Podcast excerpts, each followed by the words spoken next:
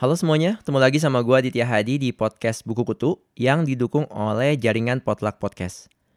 Buat kalian yang mungkin belum pernah dengerin podcast ini sebelumnya, podcast Buku Kutu adalah sebuah podcast yang membahas tentang berbagai hal menarik dari dunia literasi, biasanya berupa review buku, obrolan dengan penulis, atau hal-hal lain yang seru untuk dibincangkan di dunia buku.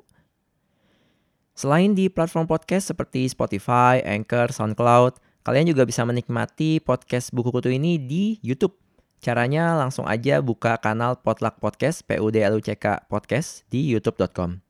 Di episode kali ini gue mau membahas tentang sebuah buku yang berjudul Atomic Habits, An Easy and Proven Way to Build Good Habits and Break Bad Ones, karangan James Clear. Buku ini sudah diterjemahkan oleh Gramedia Pustaka Utama dengan judul Cara Mudah dan Terbukti untuk Membentuk Kebiasaan Baik dan Menghilangkan Kebiasaan Buruk. Gue udah kenal James Clear, ya nggak kenalan langsung juga sih, tahu atau aja gitu. Gue udah tahu James Clear ini sejak dia nulis-nulis di Medium. Sejak kayak bulan November 2012 gitu, dia sering banget nulis soal bagaimana cara membangun habit. Gue nggak tahu kayaknya dulu dia masih kayak cupu-cupu gitu, masih nggak ngerti. Cuman karena dia nulis terus tentang habit, jadi akhirnya orang percaya kalau dia emang jago tentang habit. Dan akhirnya dipercaya juga buat nulis buku gitu.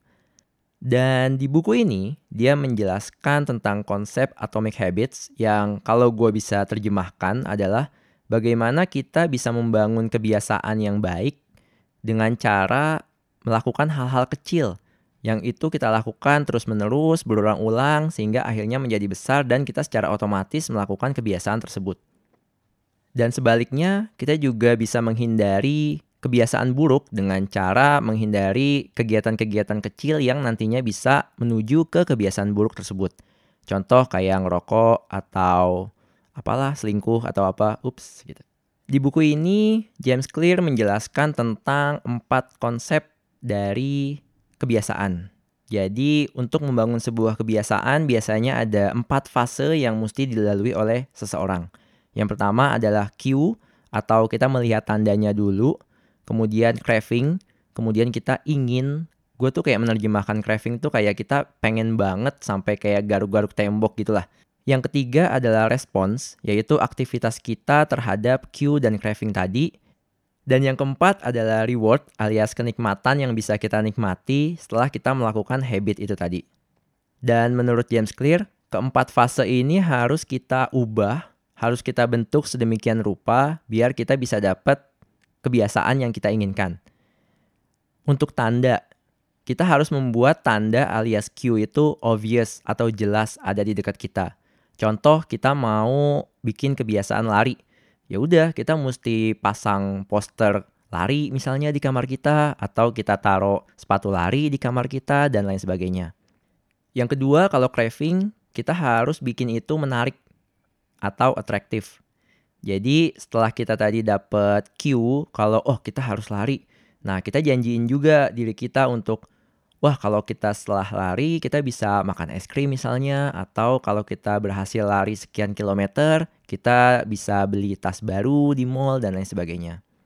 Selanjutnya yang ketiga adalah aktivitas itu sendiri kita harus membuat itu mudah atau make it easy. Caranya gimana? Caranya dengan membuat aktivitas yang seolah-olah berat Misalnya, oh kita mau lari 5 km. Ya udah kita pecah dari 1 km dulu, kemudian besoknya 1,1 misalnya, kemudian 1,2. Jadi nambah 100 meter setiap hari. Dengan begitu kita bisa merasa, oh nggak terlalu berat seperti itu. Yang terakhir, reward atau kenikmatan. Kita harus membuat itu benar-benar satisfying. Beberapa orang kalau yang mau lari itu biasanya nyatet berapa sih jarak yang sudah gua tempuh dari lari di pagi hari ini misalnya. Jadi dikumpul-kumpulin kemudian bisa dipamerin di Instagram, di Twitter dan lain sebagainya sehingga itu bisa membuat satisfy. Jadi itu ya empat fase yang harus kita lalui dan harus kita ubah. Yang pertama cue-nya harus kita buat obvious, craving-nya harus kita buat lebih menarik, aktivitasnya itu sendiri harus kita buat lebih mudah untuk diri kita dan kenikmatannya harus kita buat lebih terasa nikmat untuk diri kita. Dan cara selanjutnya di buku ini juga James Clear menjelaskan bahwa kalau kita mau membentuk sebuah kebiasaan, misalnya kita mau membentuk kebiasaan lari pagi, ya kita harus menganggap bahwa diri kita pelari gitu. Kalau kita nggak nganggap diri kita pelari, oh hari ini kita boleh lari, besok boleh enggak kali ya gitu. Tapi kalau seorang pelari, ya kita harus lari tiap hari. Contohnya kita juga mau jadi seorang pembaca buku yang aktif. Ya udah, kita jangan bilang ah kita hanya orang biasa yang suka baca buku. Enggak, kita mesti menanamkan di diri kita, di kepribadian kita kalau oh gue pembaca loh. Gue pembaca seumur hidup, jadi gue setiap hari ya emang harus baca. Tapi di buku ini, James Clear seperti judulnya, Atomic Habits, juga bilang kalau kita nggak mesti baca banyak-banyak kok, kita nggak mesti lari jauh-jauh kok, kita nggak mesti nulis banyak-banyak kok untuk kita membangun kebiasaan membaca, menulis, dan lari pagi misalnya. Jadi setiap kali kita nulis satu halaman, kita udah bisa jadi penulis, kita bisa menganggap diri kita penulis. Kita bisa menanamkan ke kepribadian kita, ke diri kita bahwa, oh kita penulis loh yang penting kita nulis tiap hari. Nggak apa-apa satu halaman tiap hari, yang penting tiap hari. Sama juga kayak kita olahraga. Kita olahragawan, asalkan kita olahraga terus tiap hari. Nggak masalah kalau kita cuma lari, oh satu kilometer, abis itu balik lagi ke rumah. Yang penting tiap hari dilakukan, itu kita sudah merupakan seorang atlet misalnya. Dan lain sebagainya contoh-contoh lainnya. Jadi, lakukanlah hal yang paling mudah terlebih dahulu, tapi kita tanamkan di diri kita bahwa ini kita lakukan tiap hari karena kita adalah seorang profesional di bidang itu. Kalau kamu mau lari, ya kita seorang atlet. Kalau kamu mau nulis, ya kita seorang penulis seperti itu. Dan ini juga berlaku sebaliknya. Kalau kita mau menghilangkan kebiasaan buruk, misalnya kita nggak mau berhenti ngerokok, ya udah kita bukan seorang perokok. Jadi tiap hari ya kita nggak boleh ngerokok. Jangan sampai ah boleh kali lah sekali-sekali. Nah kalau udah sekali-sekali kayak gitu, itu bisa bikin keinginan kita untuk berhenti dari kebiasaan buruk jadi gagal. Itu yang dikatakan oleh James Clear di buku Atomic Habits ini. Oke, selanjutnya gue akan jelasin review gue tentang buku Atomic Habits karya James Clear ini.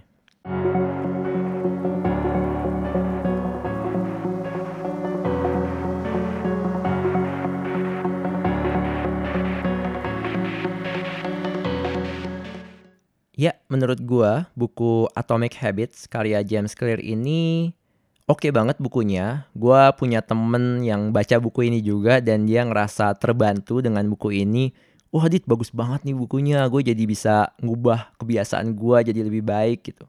Tapi buat gua personal, karena gua udah baca buku The Power of Habit karya Charles Duhigg, buku ini tuh kayak mirip banget gitu Kan buku The Power of Habit ini kan terbit tahun 2012, sedangkan buku Atomic Habits terbit tahun 2018.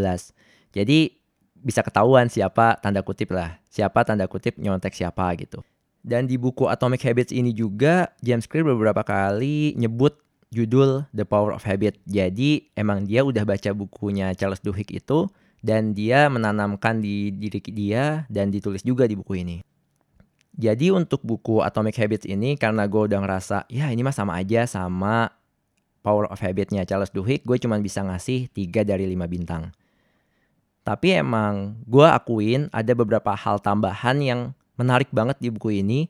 Jadi kalau di buku The Power of Habitnya Charles Duhigg itu dia cuma jelasin konsep secara luas. Sebenarnya habit itu seperti apa, bagaimana cara otak kita bereaksi terhadap habit, dan cerita-cerita yang mendukung teori tersebut. Tapi di buku ini James Clear tuh kayak bikin lebih rinci dari buku Power of Habit itu. Jadi dia bikin contoh-contoh kecil yang bisa dipraktekkan sama kita sehari-hari. Contohnya, habit stacking. Habit stacking ini adalah sebuah teori di mana kalau kita mau punya kebiasaan yang baik, kita harus menempelkannya sama kebiasaan yang udah kita lakuin. Misalnya, oh gue bangun pagi abis itu sikat gigi. Tapi gue pengen lari pagi. Ya udah kita bikin aturan aja.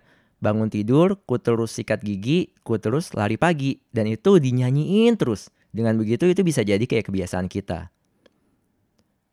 Sama juga kalau kita mau menghindari kebiasaan buruk, sama juga. Jadi kita harus, oh kalau abis makan gue nggak ngerokok, tapi gue langsung balik ke kantor, langsung main game misalnya.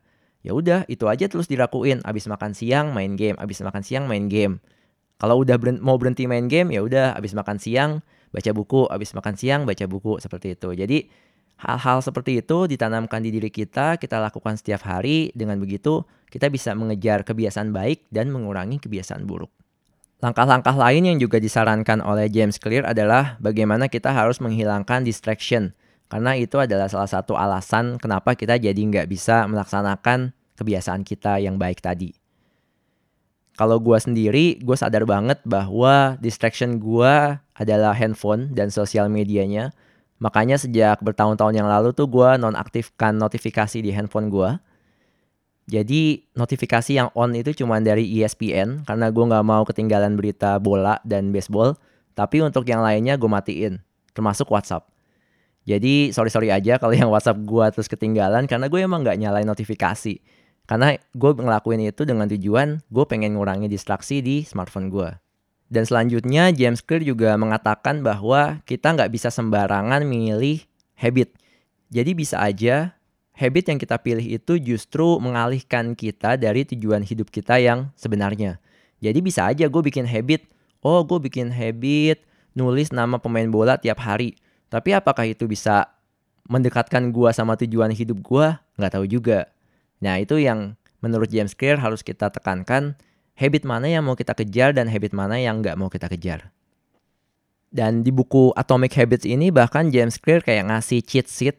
Jadi apa aja rangkuman dari buku ini dari awal sampai akhir yang bisa kita print, bisa kita taruh di smartphone yang itu cuman kayak satu halaman A4 kayaknya dan itu bisa bikin kita ingat-ingat terus. Hal ini yang gak ada di buku Power of Habit-nya Charles Duhigg. Cuman satu lagi kurangnya buku James Clear ini kayaknya ketika dia bawa contoh kasus itu tuh kayak kurang dalam. Kayak cuman 2-3 lembar gitu kemudian udah. Dan kadang-kadang kayak gak ada koneksi dengan kesimpulan yang mau dia buat. Beda banget sama si Charles Duhigg di buku Power of Habit. Jadi menurut gue buku ini masih tetap bagus untuk dibaca. Buktinya teman-teman gue juga banyak yang terbantu. Tapi mungkin kalau kalian baru baca buku ini doang dan pengen baca buku-buku tentang habit lainnya, bisa juga coba bukunya Charles Duhigg yang Power of Habit atau Smarter, Faster, Better. Ya, sekian review dari gue. Jangan lupa buat follow podcast ini di Spotify dan SoundCloud biar kalian bisa tahu kapan aja gue rilis episode baru. Dan kalau kalian mau reach out gue buat di review buku ini dong atau eh ajak penulis ini dong di podcast lu bisa langsung kontak gue di Instagram at podcast buku kutu, Twitter at podcast buku, atau email ke podcastbukukutu at gmail.com. Jangan lupa juga untuk beri dukungan buat jaringan Potluck Podcast dengan cara follow Instagram at Potluck Podcast. P-U-D-L-U-C-K P-O-D-C-A-S-T. I think that's all. Thank you for listening. See you and ciao.